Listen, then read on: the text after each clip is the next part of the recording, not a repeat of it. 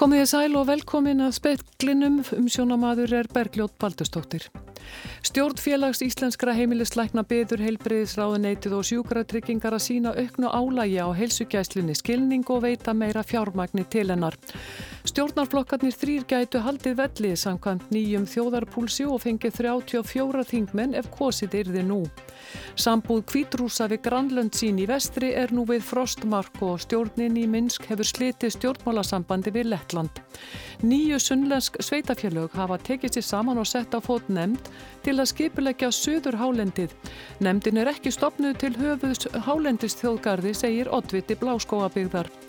Formáða landsambaðs lauruglumanna segir að lauruglumenn kvíðir sumrinu vegna manneklu, ekki hafi verið ráðið í stöður sem urðu til vegna styttingar vinnuvíkunar. Rætt verður við hann síðar í speklinum og við Sigriði Björgu Jónsdóttur Ríkislauruglustjóra. Etning verður fjallað um áhíkjur íslenskra stjórnvalda af þróun njóstnamála í Danmörku. Stjórn félags íslenskra heimilisleikna byður heilbriðisráðuneitið og sjúkratryggingar að sína auknu álægi á heilsugjæslinni skilning og veita meira fjármagni til hennar. Þetta kemur fram í nýri álugtun frá félaginu. Stjórn félags íslenskra heimilisleikna lýsir ávíkjum sínum á stöðunni og heilsugjæslinni.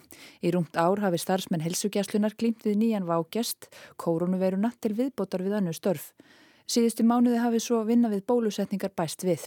Salome Ásta Arnardóttir, formaður félags íslenska heimlisleikna, segir ástandi slemt. Það eru bara fleiri skilabóð, fleiri komur, fleiri síntöl, það eru bara meira álag.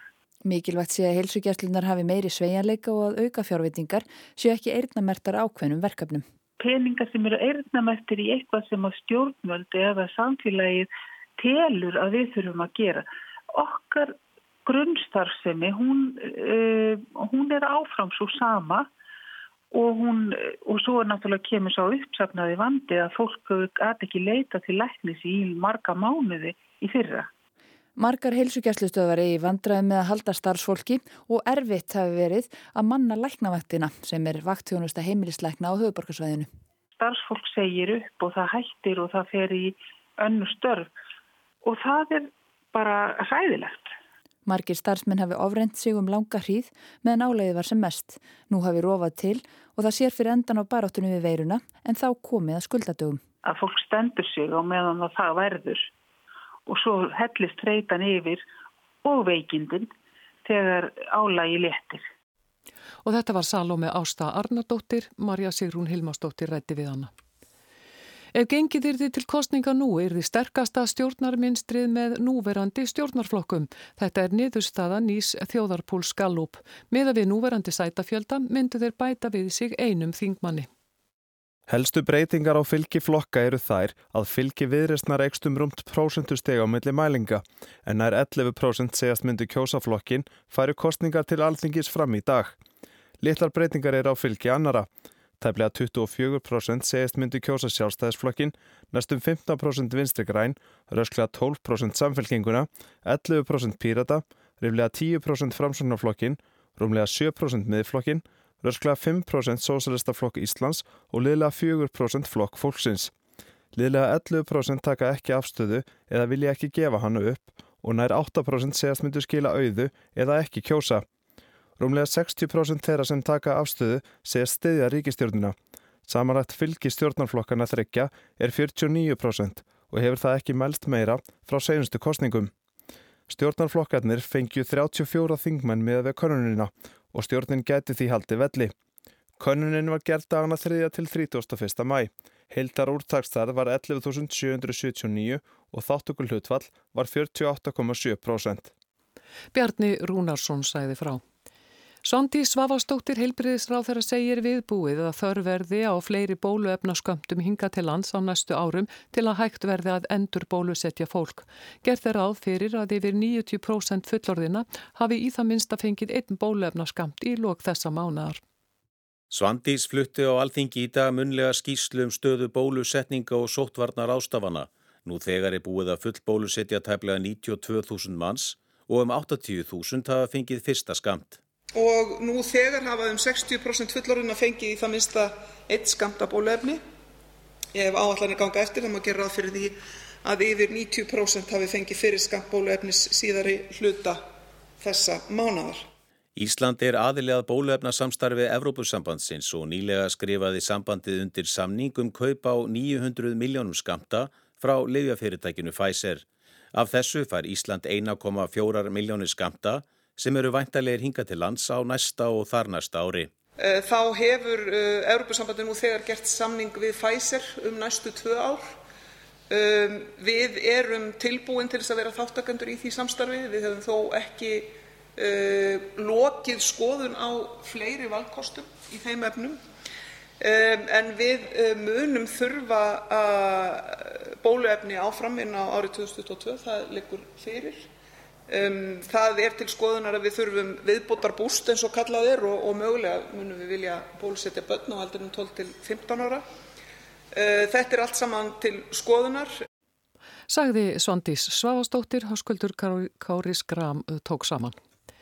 Nýju sveitarfélög á Suðurlandi hafa tekið sér saman og sett á fót svæðis skipulagsnemnd Suður Hálendis. Formaður nefndarinn segir hana ekki stopnaða til höfuðs Hálendistjóðgarði. Sveitarfélögun Skaftarreppur, Mýrdalsreppur, Rángarþing Eistra og Ytra, Ásarreppur, Skeiða og Gnúberreppur, Hrönumannarreppur, Bláskóabegð og Grímsnes og Grafningsreppur hafa komið að fót svo kallari svæði skipulagsnemnd. Árborg og Flóarreppur eiga einnig áhörna fulltrúa í nefndinni.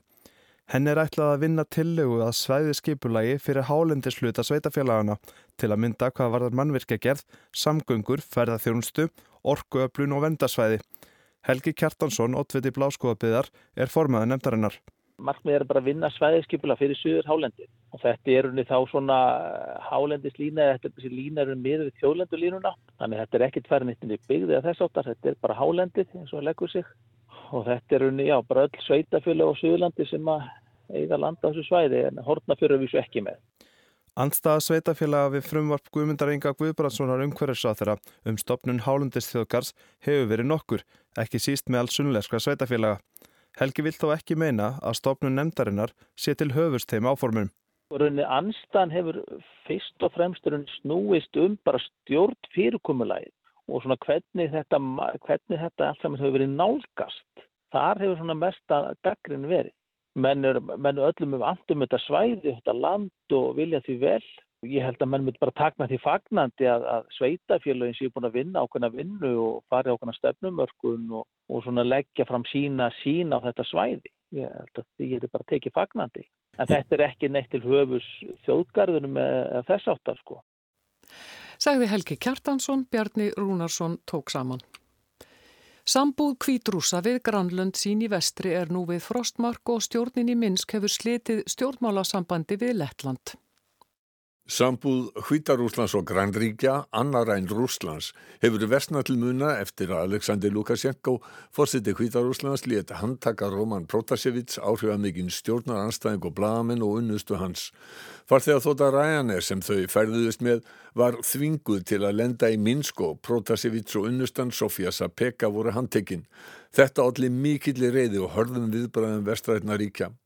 Evropasambandi og bandaríkinn hafa gaggrínt atviki harli og sagt það brot á allþjóðalögum.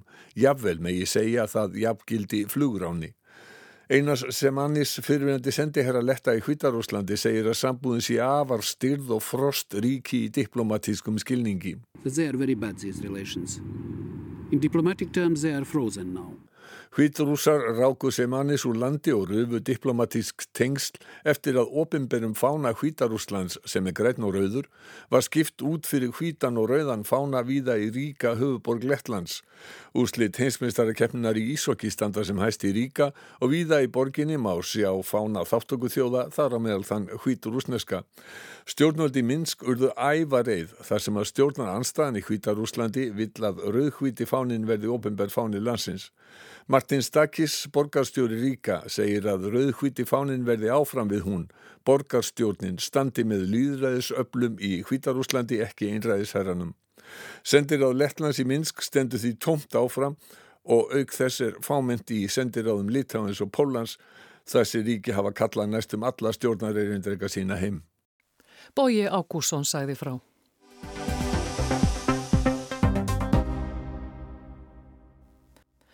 Íslensk stjórnvöld hafa fylst með þróun njósnamála í Danmörku frá því að upplýst var um þau í fyrra haust. Áhyggjur stjórnvalda beinast að þeim þremur sæstrengjum sem tengja Ísland við umheiminn. Eitt er að likur beint hérðan til Danmörkur. Það ljóstaði spjótin stand á dönum eftir að upplýst varum að með leiði danska hersins hafi þjóðaröryggistofnun bandaríkjana NSA fengið að hlera og fylgjast með stjórnmálumennum, embætismönnum, stopnunum og fyrirtækjum í gegnum danskan fjarskiptabúnað að stopnurinn hafi reynilega tengt sig við fjarskiptakapla sem líkja til Noregs, Svíþjóðar, Þískalands og Fraklands. Leittóar þessar landa hafa fordæmt aðtæfið og krefja svara frá dönskum yfirvöldum. Svör hafa ekki borist enn. Drína Bramsen, varnamálar á þeirra Danmörkur, sendi frá sér yfirlýsku í gæri þar sem hún segir skýrt og skorin orð að hleranir gagvart nánum samstagslöndum séu ekki fósvaralegar. Að öðru leiti var hún ekki tilbúin að tjá sig. Hún væri ekki tilbúin að tjá sig um vangaveltur sem hefðu komið fram í fjölmjölum. Máliðir er ætti í viðegandi nefndum á danska þinginum. Njóstamáliði sem nú er til umfjöldunar kom upp í Danmörku í ágústi fyrra þegar nefnd sem á að hafa eftirlt með leini þjónustu hersins sendi frá sér frettatilkynningum. Hún hafði fengið í hendur upplýsingar um að leini þjónustan hefði heimilað öðrum aðilum að njóstnum með danska ríkisborgaran. Fljótlega komi ljósa að það var öryggistofnur bandaríkjana. Nefndin hafði fengið gögg frá uppljóstururum og þar var vantarlega á ferðinni skýslan operasjón Dunhammer eða aðgerðir Dunhammer sem gerð hafi verið innan leinið þjónustunar árið 2015 og afhengt yfirmönnum hennar. Skýslunni virðist að veri stungjundi stól. Eftirlýsnemdini sendi varnaramálar á þeirra Danmerkuru plöggin sem hún fekk í hendur í ágúst í fyrra. Strax var þá því líst yfir að málið er rannsakað og nú er að störfum sérstök rannsóknanemndi í Danmörku sem á að fara í sauman á málunum. Mörgum brá í brún þegar upplýst var um helgina að NSA hefði ekki bara verið að hlera danska ríkisborgara í gegnum kapla, heldur líka fylst með nágrannalöndum Danmörkur. Og málið er graf alvarlegt og grefur augljóslega undan trösti í samskiptum þessara miklu vina og bandalastjóða sagði Guðlöðu Þór Þórðarsson utaríkis á þeirra á alþingi í gær. En stjórnveld hér heima höfðu strax áhyggjur þegar máli kom upp í ágústi fyrra en ekki síst af þeim aðferðum sem notaðar voru til að fylgjast með fólki og fyrirtækjum. Málið hefur meðal annars verið á borði þjóðaröryggisráðs og skipaður var samráðsópur til að fara við stöðuna eins og Katri Jakobsdóttir, fórsætistráðra, upplýst í speiklunum í gær. Hér var settur á lakirna sérstaklega samráðshópur innan stjórnkerfisins með bæði stopnunum og ráðunetum þar sem bæði fórsættis og utarrikiðsandi komu að og ráðuneti fjarskiptamála þannig að við fórum strax í það að setja þann samráðsvettvang á lakirna til að fylgja eftir þessum máli en það hafa bara ekki komist, komið skýr skvör í raun og fyrir frá Danmörku um þetta mál og þessar viðbútar upplýsingar sem við erum að heyra núna uh, gera það svo sannlega ekki betra.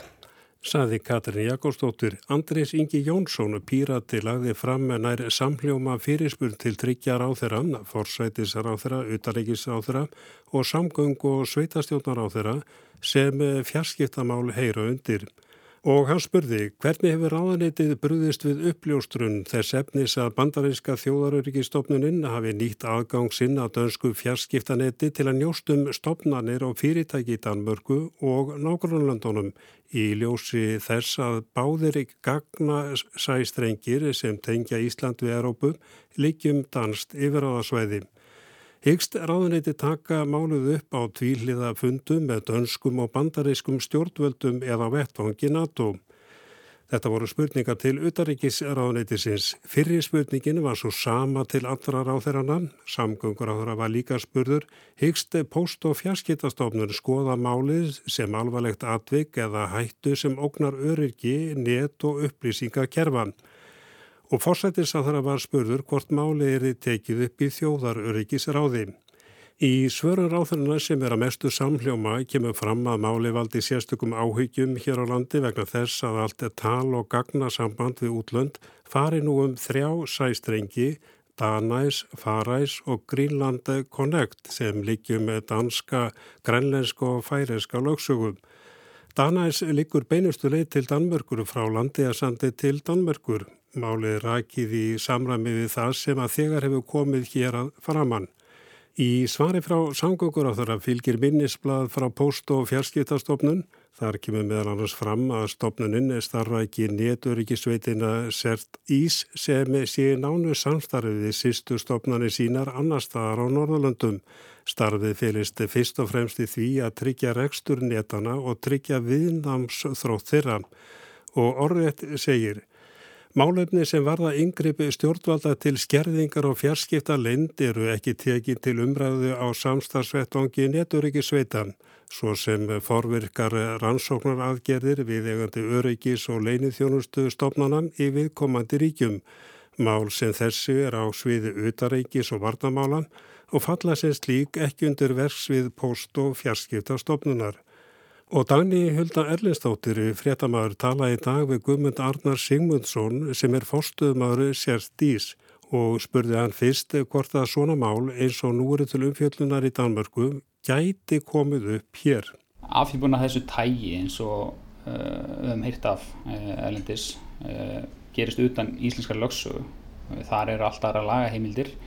Íslensk lög eru mjög skýr fjarskiptalög, lögum fjarskipti, tryggja fjarskipta lengt og það hefur enginn á Íslandi, enginn ofinbjörn aðili eða stopnun heimild til þess að, að hlera samskipti í hvaða formi sem er e, nema lögregla við rannsókn sakamála að undangengum dómsúrskurði.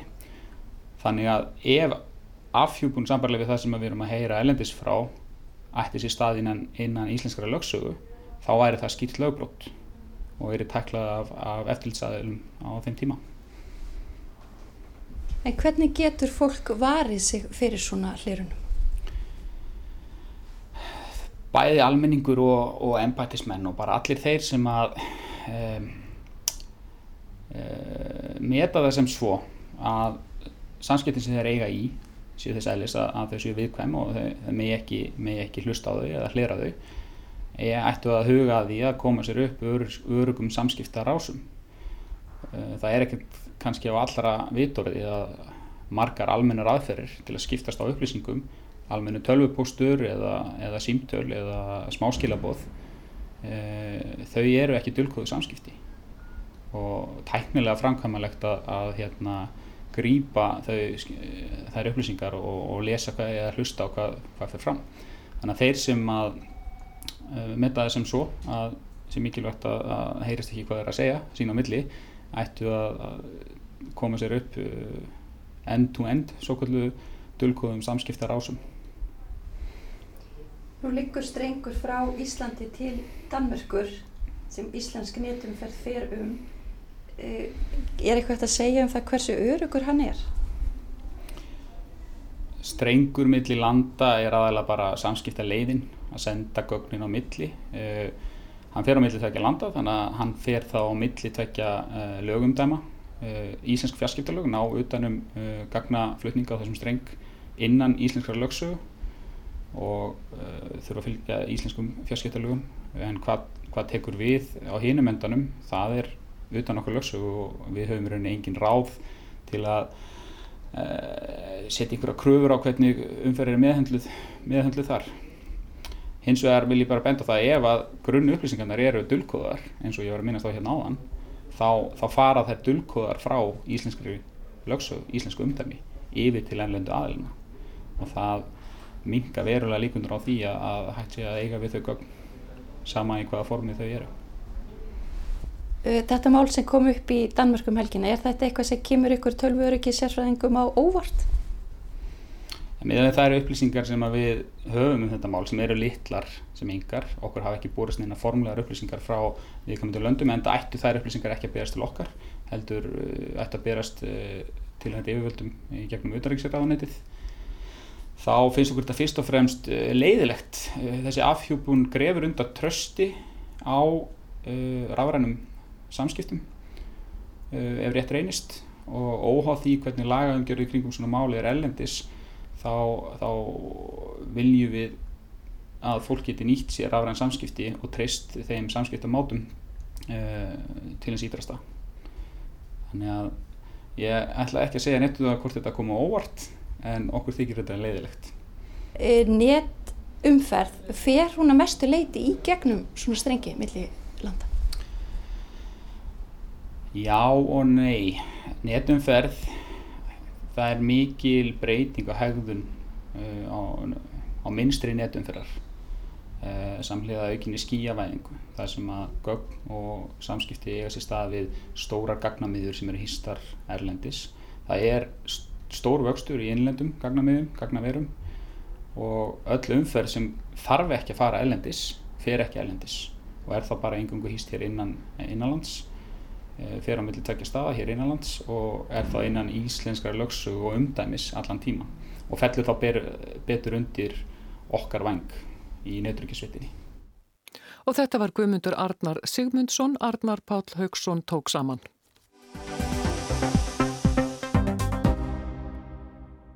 Laureglan hefur þurft að grípa til þess ráðs að fækka vöktum til að mæta nýju vaktafyrirkomulægi vegna styrtingar vinnuvikunar.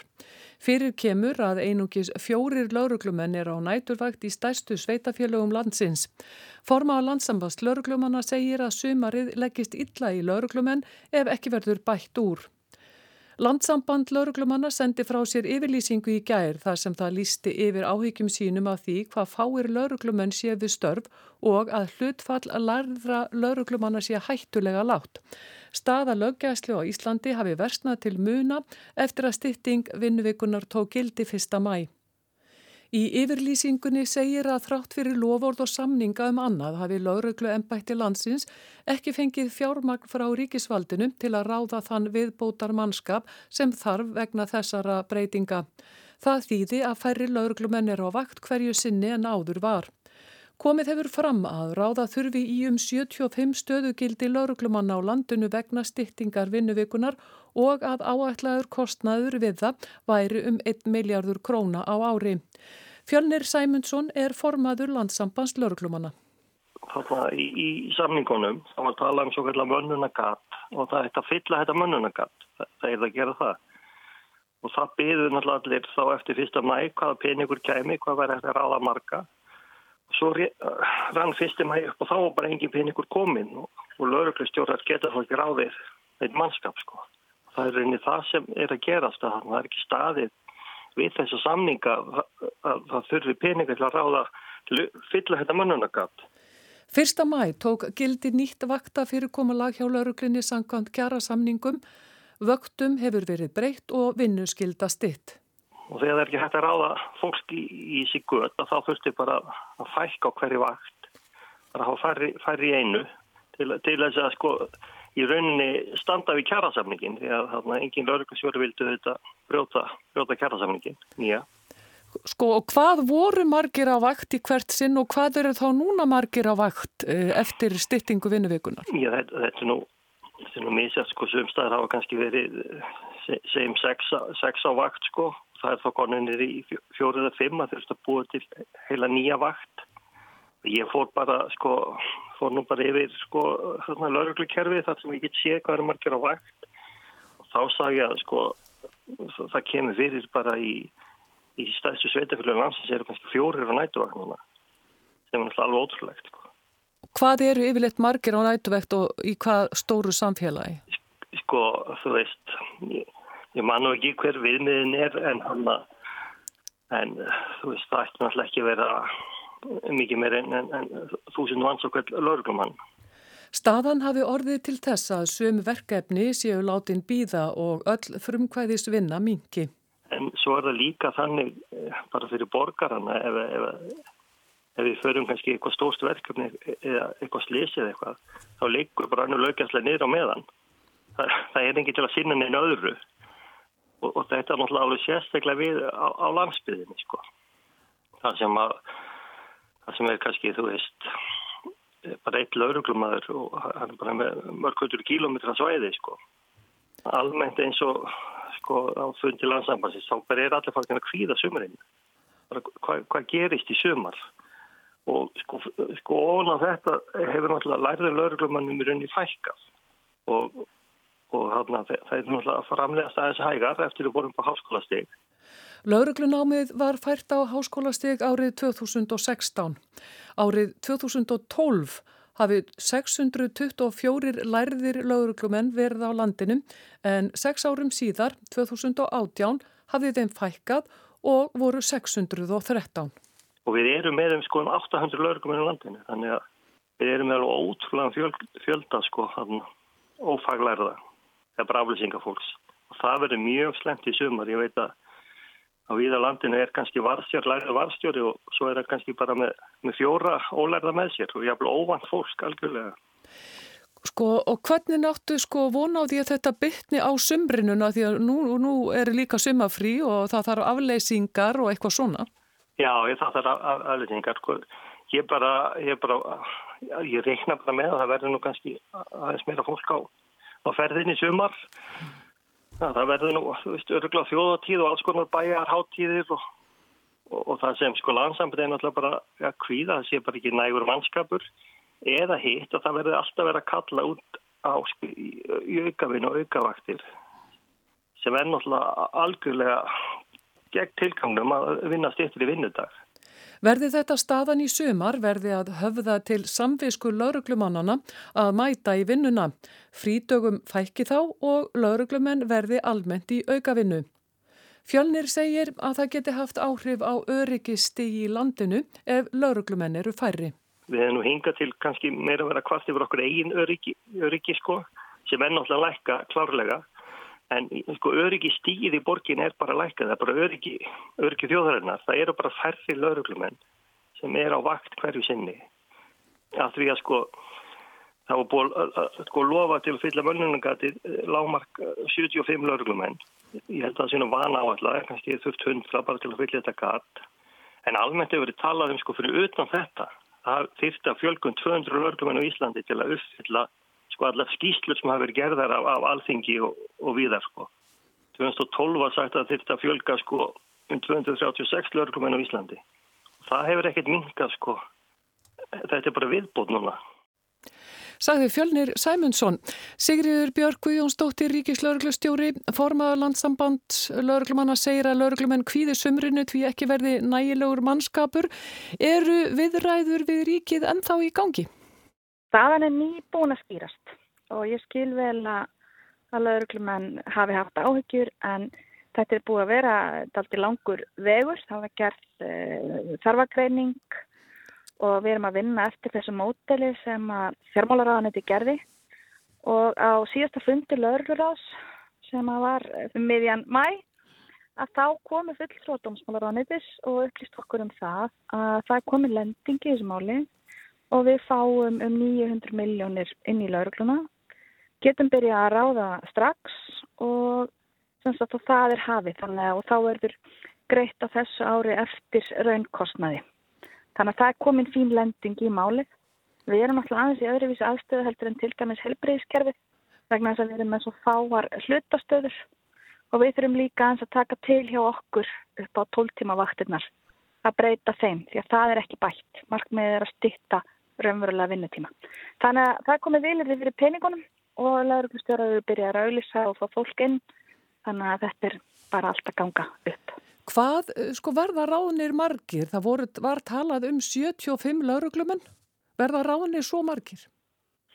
Ég er ekki alveg með heildartöluna á því en svo, um, þarfagreiningum að byggð á tölum frá lauruglustjórunum og lauruglustjórunum hafa sjálfur verið með beina aðkomu inn í fjármálaramnitið að ræða þessi mál undanförnum vikum og ég er bara ekki alveg með heildast töluna en þessar 900 miljónir eru í samræmi við þá þetta skapalón frá fjármálaramnitinu þá er ekki verið að greiða fyrir meira aukavinni eða þess aftar en verið að greiða fyrir styrtingu vinnutíma að við séum að jafna með 8 tíma vinnudag vaktavinni fólks. Kærar þekki fyrir þetta Sigriður Björk Guðjónsdóttir Ríkislauruglustjóri.